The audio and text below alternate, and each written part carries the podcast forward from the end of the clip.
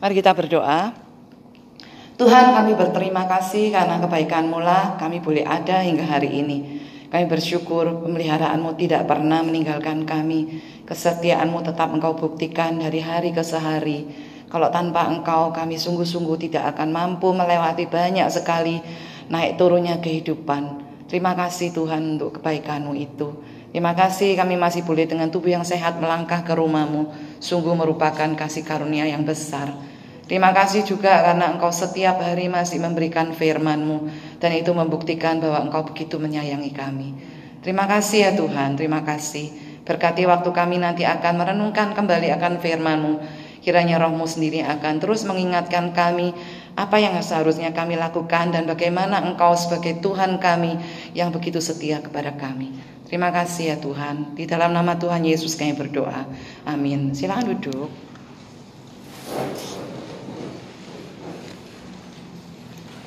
Uh, ibu-ibu sebelum saya lupa, uh, ibu yang butuh apa lembaran bacaan Alkitab tuh di belakang tuh masih ada ya.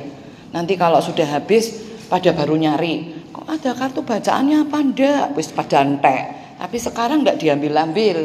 Ya coba nanti itu diambil ya, nanti nek entek nggak nyetak lagi loh. Ya. Oke, mari kita membaca dari bacaan kita hari ini Dua Raja-Raja pasal 8 ayat 1 sampai 6. Dua Raja-Raja 8 ayat 1 sampai 6. Oke. Kalau sudah adik saya akan membacakannya. Raja menolong perempuan Sunem. Elisa telah berbicara kepada perempuan yang anaknya dihidupkannya kembali Katanya, berkemaslah dan pergilah bersama-sama dengan keluargamu dan tinggallah di mana saja engkau dapat menetap sebagai pendatang. Ceritanya kalau bahasa diganti dengan satu kata ngungsi yo gitu. Ya, disuruh ngungsi. Sebab Tuhan telah mendatangkan kelaparan yang pasti menimpa negeri ini tujuh tahun lamanya. Lalu berkemaslah perempuan itu dan dilakukannya lah seperti perkataan abdi Allah itu. Ia pergi bersama-sama dengan keluarganya. Lalu tinggal menetap sebagai pendatang di negeri orang Filistin tujuh tahun lamanya. Dan setelah lewat ketujuh tahun itu, pulanglah perempuan itu dari negeri orang Filistin, kemudian ia pergi mengadukan perihal rumahnya dan ladangnya kepada raja. Raja sedang berbicara kepada Gehasi, bujang abdi Allah itu, pelayan dari e, Nabi Elisa. Katanya, cobalah ceritakan kepadaku tentang segala perbuatan besar yang dilakukan Elisa sedang ia menceritakan kepada raja tentang Elisa menghidupkan anak yang sudah mati itu, tampaklah perempuan yang anaknya dihidupkan itu datang mengadukan perihal rumahnya dan ladangnya kepada raja. Lalu berkatalah Gehasi, "Ya Tuanku raja, inilah perempuan itu dan inilah anaknya yang dihidupkan Elisa." Lalu raja bertanya-tanya, dan perempuan itu menceritakan semuanya kepadanya. Kemudian raja menugaskan seorang pegawai istana menyertai perempuan itu dengan pesan, "Pulangkanlah segala miliknya dan segala hasil ladangnya itu sejak ia meninggalkan negeri ini sampai sekarang." Nah, ibu-ibu, cerita ini sebenarnya sambungan ya benernya sambung banget ya ndak tapi sebenarnya perempuan yang disebutkan di sini adalah perempuan yang sama yang dicatat di dalam dua raja-raja pasal 4. Ya. Di mana di dalam dua raja-raja pasal 4 itu dikatakan ada perempuan Sunem yang suaminya itu sudah tua, ya suaminya itu sudah tua dan dia dari keluarganya ini adalah keluarga kaya. Keluarganya keluarga kaya, dari dua raja-raja pasal 4 ya dari dari ayat 8 mulai dari ayat 8. Nah, saya saya ini sebenarnya ingin mendorong ibu-ibu bagi yang belum baca Alkitab rutin bacalah. Karena apa ibu-ibu? Karena di dalam persekutuan kita maupun ibadah umum itu ayat-ayatnya itu dibahas dari bacaan kita harian itu supaya dengan lebih jelas. Jadi kalau ibu-ibu tidak baca nanti itu ceritanya piye ya gitu ya. Jadi kayak enggak nyambung kan sayang gitu ya. Jadi saya ingin mengulas sedikit dari kisahnya itu dari pasal 4 ayat 8. Di situ diceritakan Suatu hari Nabi Elisa itu pergi ke Sunem, ya di Sunem itu dekat Israel, di bagian utara dari wilayah Israel. Nah di sana itu ada perempuan Sunem ini bersama dengan suaminya. Nah suaminya itu sudah tua dan suaminya ini dari keluarga dari adalah orang yang kaya ya orang kaya. Nah dikatakan bahwa setiap kali kalau Nabi Elisa itu melewati Sunem selalu mampir ke rumahnya ini, ke rumahnya ibu dan bapak dan suaminya ini untuk makan karena diundang makan sama ibu ini, ibu Sunem ini ya. Saya nggak ngerti kenapa Alkitab itu tidak menuliskan namanya siapa. Rasanya kalau nggak ditulis itu Tuhan itu tidak menganggap penting namanya. Yang penting itu ibu ini ada dan benar dilakukan apa yang dilakukan oleh ibu ini. Dan ibu-ibu saya ingin menegaskan kembali bahwa apa yang ditulis di dalam Alkitab ini, seluruh peristiwa yang ditulis di dalam Alkitab ini adalah benar-benar terjadi ibu-ibu. Dan itu terjadi dalam sejarah hidup manusia.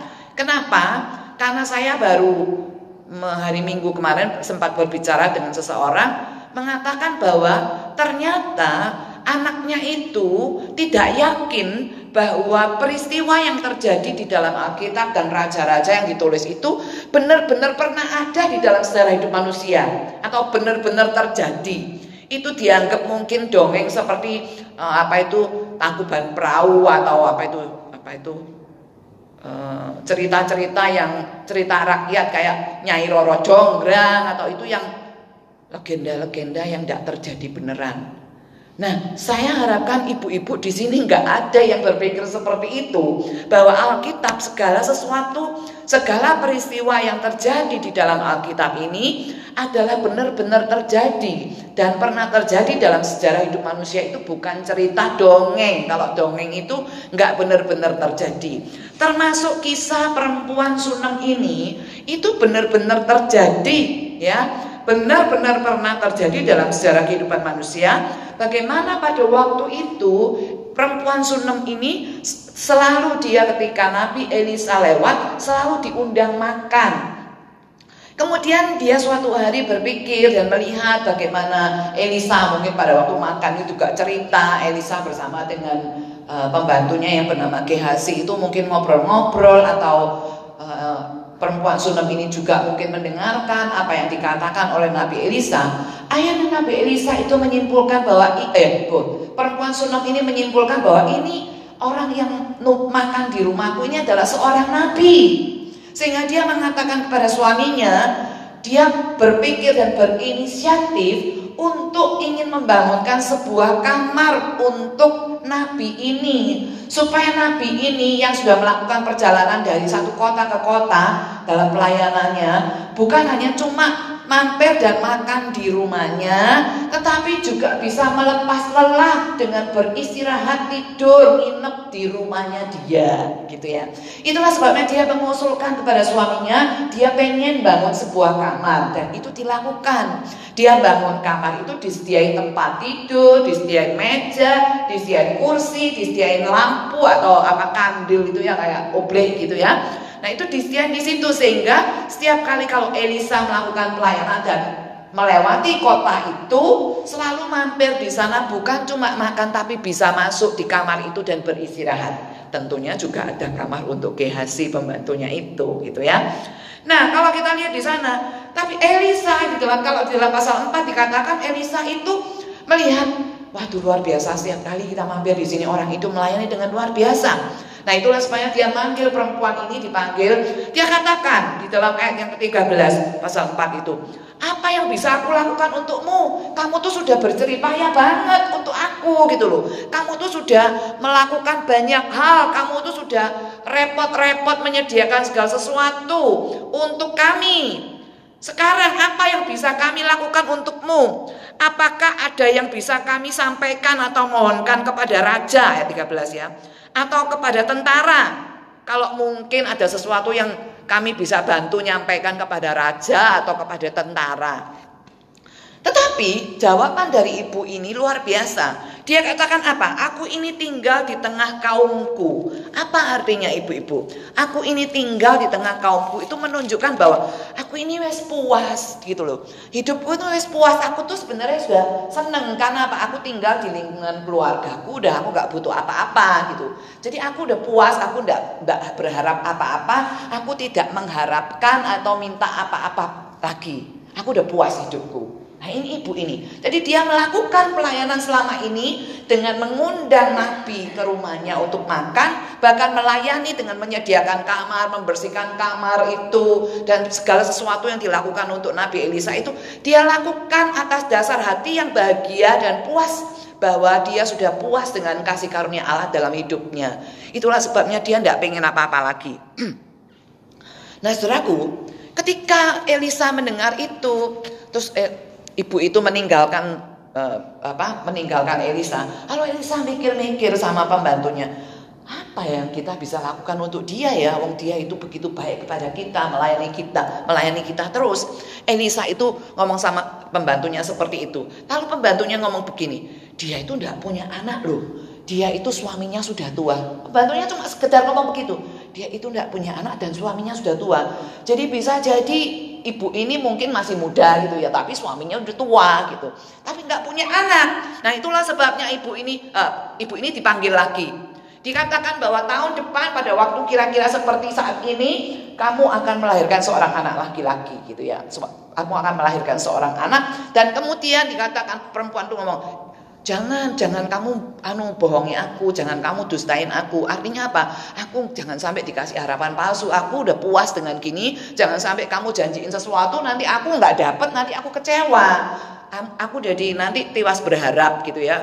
Nah, ibu-ibu, tapi di dalam cerita ini dikatakan bahwa kisah ini bahwa benar-benar dia punya anak akhirnya pada tahun berikutnya dan anak itu kemudian bertumbuh agak besar ketika pergi ke ladang bersama dengan ayahnya tiba-tiba anak itu sakit kepala dan kemudian terus dibawa pulang singkat cerita anak itu mati dan ketika mati dibawalah anak itu taruh tempat tidurnya di loteng itu di kamarnya Elisa itu yang biasa dipakai Elisa.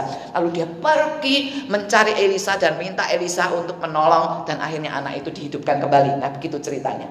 Nah ibu-ibu setelah itu Alkitab tidak ngomong lagi tentang ibu ini dan anaknya, tidak ngomong apa-apa lagi.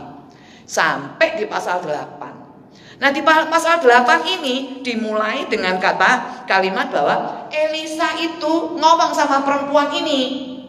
Eh kamu ngungsi yo bersama keluargamu karena di sini ini bakal akan menghadapi kelaparan selama tujuh tahun. Tuhan akan menghukum kota ini, negeri ini. Tuhan akan menghukum negeri ini dengan kelaparan tujuh tahun. Jadi kamu pergi ngungsi ke ke mana tempat di mana kamu masih bisa tetap bertahan di sana, tidak kena bala kelaparan gitu ya kan dia punya uang jadi dia bisa ke mana. Jadi disuruh ngungsi dan menetap sebagai uh, pendatang di negeri asing gitu. Nah, ibu-ibu, dia lakukan. Di dalam cerita itu dikatakan bahwa dia akhirnya ngungsi. Tapi pada waktu dia pulang dari ngungsi 107 tahun itu, dikatakan oleh Alkitab bahwa dia ngadep raja. Kenapa kok ngadep raja? Dia mau laporkan raja bahwa dia itu tanahnya, ladangnya, rumahnya ternyata sudah diambil orang lain. Dia pulang udah nggak bisa masuk menempati tempat tinggalnya lagi ibu-ibu. Nah Alkitab mengatakan ternyata dia ngadep itu cuma dia sama anaknya. Bisa jadi mungkin suaminya sudah mati. Alkitab memang tidak ngomong, tapi ternyata dia cuma ngadep berdua. Kalau seandainya suaminya masih hidup, nggak mungkin dia yang ngadep dia mestinya suaminya atau dia paling enggak bersama dengan suaminya untuk ngadep. Jadi di sini dikatakan bahwa akhirnya di, saya ringkas ceritanya sebelum kita belajar kebenaran yang ada di sana. Dikatakan begini, ketika dia datang mau menghadap, ternyata pada waktu yang dia sampai di sana itu, raja itu sedang manggil Gehasi, ibu-ibu. Gehasi itu pembantunya Elisa. Nah, saya nggak tahu ini kejadian ini peristiwanya itu terjadi sebelum pasal 5 atau sesudah pasal 5 beneran urutannya. Karena kalau kita lihat di pasal 5 itu di dalam ceritanya itu Gehasi itu akhirnya kena kusta ibu-ibu. Betul ya? Ceritanya kan Gehasi kena kusta karena dia itu uh, habis Elisa menyembuhkan Naaman sakit kusta dari sakit kusta terus Naaman dikasih hadiah nggak mau, tapi Gehazi bohong, bilang kalau Naaman yang minta hadiah, dia minta hadiahnya. Akhirnya dihukum Tuhan dan Elisa bilang, kustanya Naaman pindah ke kamu, gitu. Nah, ini nggak tahu nih pada waktu Gehazi diajak ngomong sama raja, entah peristiwa ini terjadi sebelum peristiwa Naaman disebut dari sakit kusta atau sesudah. Bisa jadi mungkin sesudah juga bisa. Jadi saking penasarannya raja itu mungkin manggil nah Gehasi yang walaupun sakit kusta mungkin panggil jarak jauh ngomongnya. Karena apa? Raja ini nggak suka sama Elisa. Elisa itu selalu ngomong firman. Selalu ngomong supaya bertobat. Kalau nggak bertobat ada hukuman Tuhan. Jadi dia nggak manggil Elisa dan dikatakan di dalam Alkitab Elisa itu pergi ke Damsyik ke tempat musuhnya orang Israel melantik raja di sana. Raja yang dipakai Tuhan untuk menghukum orang Israel. Jadi Elisa enggak, enggak bukan yang dipanggil oleh raja, raja Israel ini. Yang dipanggil itu Gehasi. Nah pada waktu dipanggil Gehasi itu, Gehasi itu disuruh ditanyai, oh apa sing dilakukan oleh Elisa Nabi Elisa itu, abdi Allah itu. Apa toh yang dilakukan? Apa mujizat-mujizat besar, perkara perbuatan besar apa yang pernah dilakukan? Lalu ceritalah Gehasi ini macam-macam yang pernah dilakukan oleh majikannya itu. Terus salah satu ceritanya itu adalah cerita bagaimana Elisa bisa menghidupkan kembali anak dari perempuan Sunem. Perempuan ini lepas ngomong begitu, perempuan itu datang ngadep mau melaporkan memohon pertolongan dari raja tentang tanah dan rumahnya. Nah, pada waktu cerita itu, lalu si Gehazi melihat, nah ini perempuan ini yang anaknya dihidupkan. Lah ini anaknya yang tadinya mati terus dihidupkan kembali. Sehingga raja itu akhirnya tanya dan ngobrol-ngobrol dengan perempuan itu. Dan singkat cerita akhirnya mengetahui semua yang dialami oleh perempuan itu. Dan akhirnya perempuan Sunem itu dapat kembali semua hartanya dia. Rumahnya, ladangnya, dan semua hasil panen yang seharusnya dia dapat sepanjang sejak dia pergi meninggalkan negeri itu sampai dia balik. Entah itu dapat dari mana, walaupun mungkin musim kering, tetapi uh, Tuhan melalui raja itu ingin memberkati ibu ini. Nah, ibu-ibu, apa yang kebenaran yang kita bisa pelajari dari sini? Kebenaran apa yang kita bisa pelajari dari kisah yang dialami oleh perempuan sunat ini? Ada beberapa hal, ibu-ibu. Yang pertama, kalau kita lihat baik-baik, sejak pasal 4, kita melihat bagaimana perempuan ini melakukan apa yang perbuatan baik yang dia lakukan itu sejak awal dilakukan atas dasar hati yang bahagia, yang puas dengan keadaan kasih karunia Tuhan yang dia alami. Ya kalau kita lihat ya, kamu butuh apa? Aku tidak butuh apa-apa. Dia lakukan dengan inisiatif sendiri. Dia lakukan dengan ngomong inisiatif, ngomong dengan suaminya. Ini orang ini adalah nabi. Aku ingin bangun ini. Dia punya ide macam-macam untuk supaya apa? Supaya nabi ini bisa bisa beristirahat dan bisa melayani Tuhan dengan baik. Bahkan pelayannya pun dapat dapat pelayanan dari ibu ini gitu ya. Jadi kita bisa melihat bahwa apa kebaikan yang dilakukan oleh dia itu mendukung pekerjaan Tuhan atau melakukan kebaikan untuk orang lain itu semua dilakukan atas dasar hati yang bahagia dan karena puas dengan kasih karunia Tuhan. Nah itulah sebabnya ibu-ibu kebenaran apa yang kita pelajari Biarlah kita, setiap kita, ketika kita melakukan kebaikan apa pun, ketika Tuhan menggerakkan hati kita untuk melakukan kebaikan apa pun, biarlah kebaikan yang kita lakukan itu kepada siapa pun, atau mendukung orang-orang yang membutuhkan pertolongan kita, atau mendukung kerjaan Tuhan, atau apa pun, biarlah itu juga keluar dari hati kita yang sungguh puas bahwa hidupku ini sudah dipuaskan oleh kasih karunia Tuhan. Hidupku ini loh sudah dikasih oleh Tuhan itu kasih karunia luar biasa. Aku tuh sudah dikasih keselamatan, aku bisa ada hari ini karena aku ah, karena Tuhan saja dan aku udah nggak pengen apa-apa lagi karena aku udah cukup puas gitu loh. Aku nggak nggak pengen nuntut apa-apa lagi karena aku puas dengan hidupku. Sehingga segala pelayanan atau perbuatan baik yang kita lakukan untuk orang lain itu kita lakukan dengan hati yang bahagia. Nggak ada rasa terpaksa. Kenapa? Karena aku puas dengan kebaikan Tuhan. Seperti perempuan Sunem ini, dia puas dengan kasih karunia Allah. Itulah sebabnya dia melakukan semua kebaikan itu tanpa mikir bahwa aku bakal dapat apa. Dia nggak mikir itu. Kenapa? Karena dia mikirnya apa? Aku sudah dapat. Aku sudah punya. Walaupun ketika pada waktu dia dikasih anak akhirnya, dia juga sebenarnya senang. Tetapi dia tidak terlalu berharap. Dia tidak pengen, sebenarnya dia bisa sih ngomong sama Abdi Allah atau Elisa itu. Aku sudah lama berdoa minta anak. Bisa sebenarnya, tapi dia enggak. Dia sudah puas dengan kondisinya. Nah, tapi kalau kita lihat kebaikan yang kita lakukan, ibu-ibu, kita lakukan itu Tuhan itu selalu lihat, ibu-ibu. Ya, kalau kita lihat ya, perempuan Sunem ini yang dia lakukan, Elisa memang lihat, Elisa berusaha melakukan sesuatu. Tetapi terlebih daripada itu, Tuhan itu lihat ya, sehingga Tuhan memakai Elisa untuk berdoa untuk ibu ini dan mengatakan bahwa kamu akan punya anak. Dan bahkan anak itu dihidupkan kembali pada waktu anak itu mati. Tuhan memberkati dia dengan luar biasa. Tuhan selalu lihat dan Tuhan perhitungkan. Nah, ibu-ibu, walaupun walaupun kita ini Tuhan tidak ingin kita ini melakukan kebaikan itu cuma mikir, aku lakukan ini supaya ini. Aku lakukan ini supaya ini. Aku berbuat baik kepada dia supaya Tuhan berkati aku. Aku menolong dia supaya dia nanti juga balik nolong aku. Tuhan tidak ingin kita seperti itu. Tuhan ingin kita melakukan segala kebaikan dan mendukung pekerjaan Tuhan dan atau apa pun. Itu atas dasar kita mensyukuri seluruh kasih karunia Tuhan bagi hidup kita. Karena kita puas dengan kasih karunia Tuhan.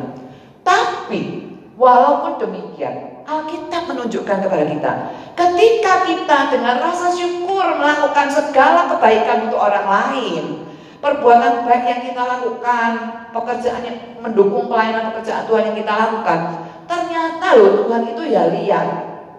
Ya, Tuhan itu perhitungkan loh ibu-ibu.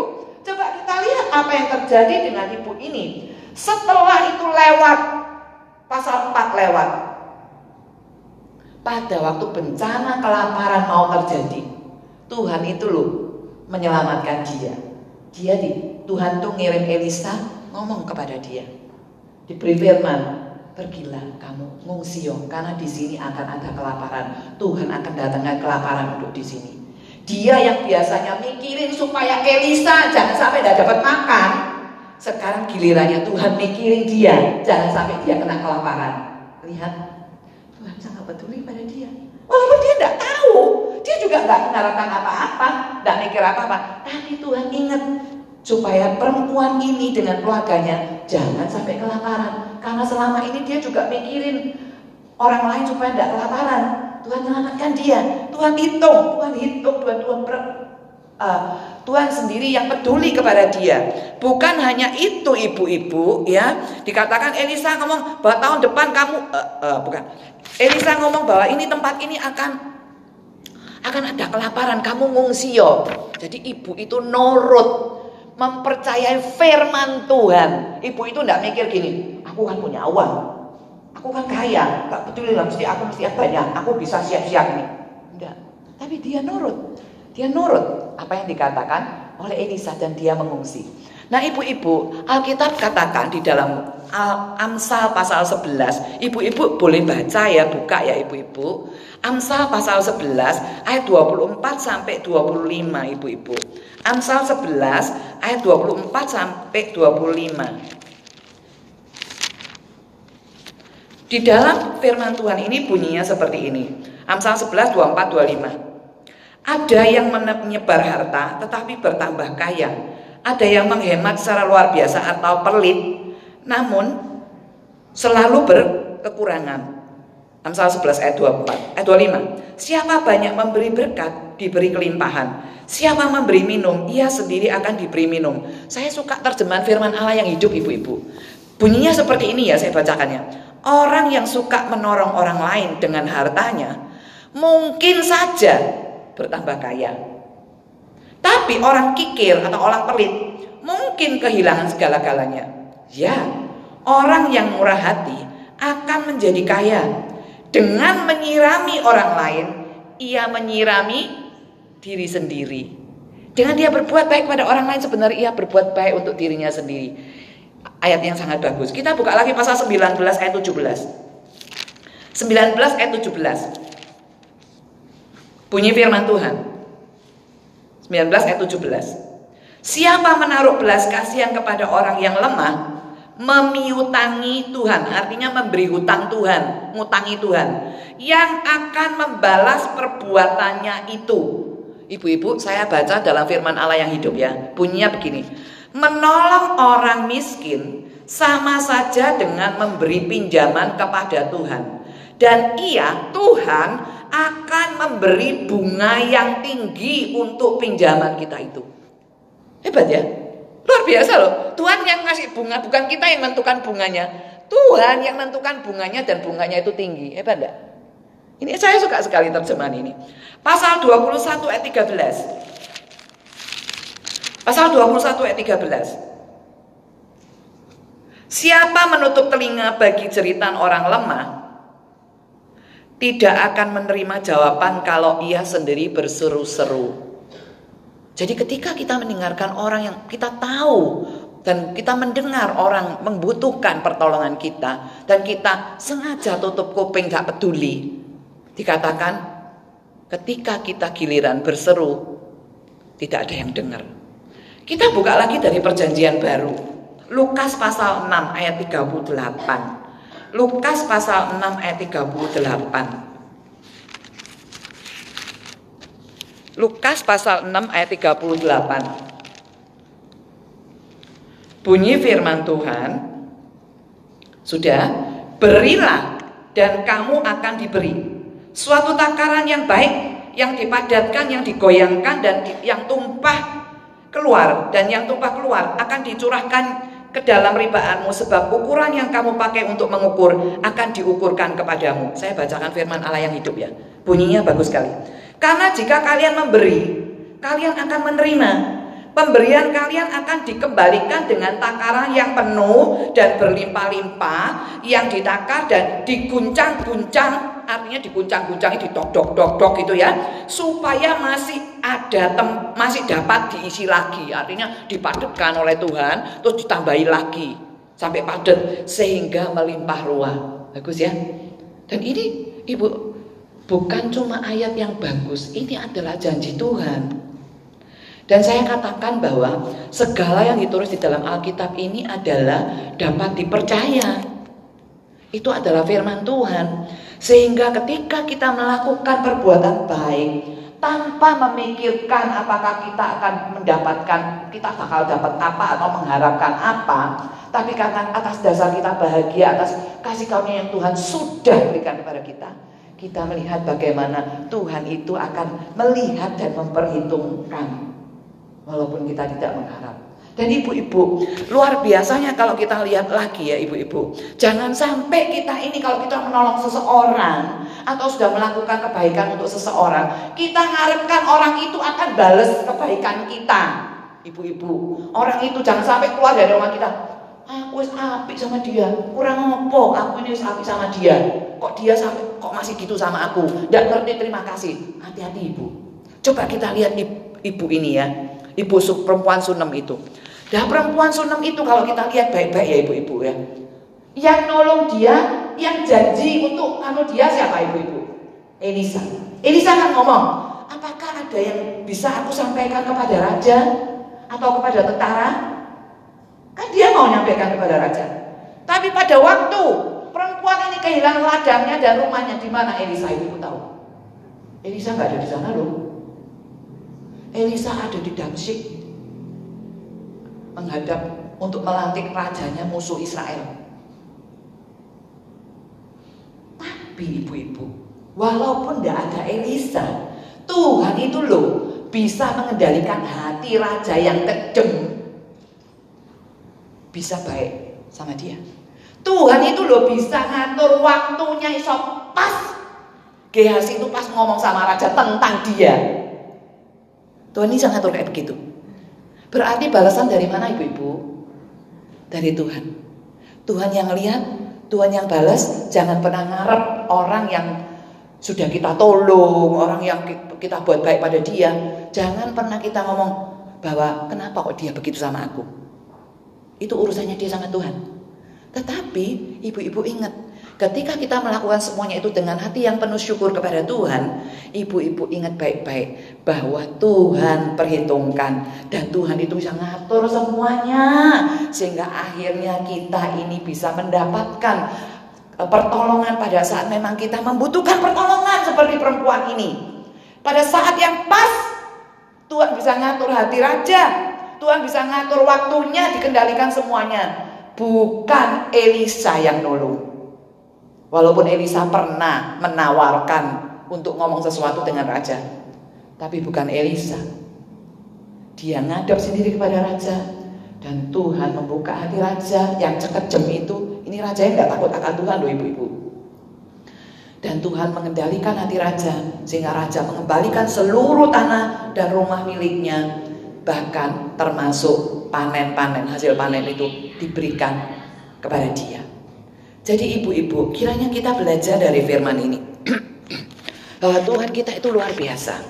Biarlah kita belajar dari perempuan ini. Mari kita lakukan kebaikan tanpa memikirkan bahwa apa yang aku akan dapatkan. Tapi lakukanlah dengan hati yang bersyukur kepada Tuhan karena apa? Kita ini sudah terlalu banyak menerima kasih karunia Tuhan.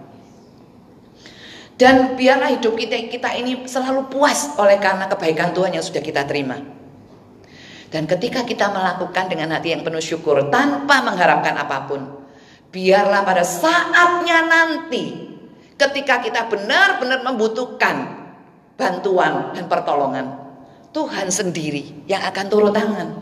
Tuhan sendiri yang akan membukakan jalan dan bahkan dikatakan Tuhan sendiri yang akan melimpahkan dengan takaran yang kita pakai itu nanti digebrok-gebrok lagi sampai padat lalu ditambahin lagi sampai melimpah-limpah. Artinya Tuhan akan melimpahkan lebih daripada yang kita bisa bayangkan. Kenapa? Karena itulah Tuhan kita. Itulah Tuhan kita. Dia begitu baik kepada setiap kita. Mari kita belajar karena Tuhan sudah berkasih karunia kepada kita dan kasih karunia Tuhan kepada kita itu sudah terlalu banyak. Kiranya Tuhan akan menolong kita untuk melakukan firman-Nya. Mari kita berdoa. Silakan Pendeta Ivon berdoa bagi kita. Ya Tuhan, terima kasih untuk firman-Mu sore hari ini yang mengingatkan kami tentang betapa baiknya Engkau. Bahkan ketika Engkau sendiri yang sudah memampukan kami untuk berbuat kebaikan, Engkau juga yang akan, yang akan membalasnya di dalam kehidupan kami. Biarlah kami belajar dari teladan perempuan Sunem bahwa sekalipun kami sudah melakukan kebaikan, mungkin masalah akan tetap datang, tetapi jalan keluar pun sudah tersedia bagi kami. Sore ini Tuhan terus gerakkan hati kami dengan kuasamu untuk berbuat baik. Kepada siapa kami harus melakukan, beri kami kemampuan, beri kami kepekaan. Dan biarlah setelah kami melakukan kebaikan, hati kami tetap tulus di hadapan Tuhan. Terima kasih Tuhan untuk hambamu yang sudah menyampaikan firman. Tuhan akan terus memberkati di dalam seluruh kehidupan, pelayanan, rencana, dan segala sesuatu yang hambamu mau lakukan. Tuhan yang akan tolong. Di dalam nama Yesus kami sudah berdoa. Amin. Oke, ibu-ibu, kita akan masuk di dalam kelompok. Bagi yang nggak ada kepala kelompoknya bisa gabung. Tapi yang ada kelompoknya, khususnya kelompok Bu Eva, saya nggak mau kelompok besar ya. Kelompoknya kecil.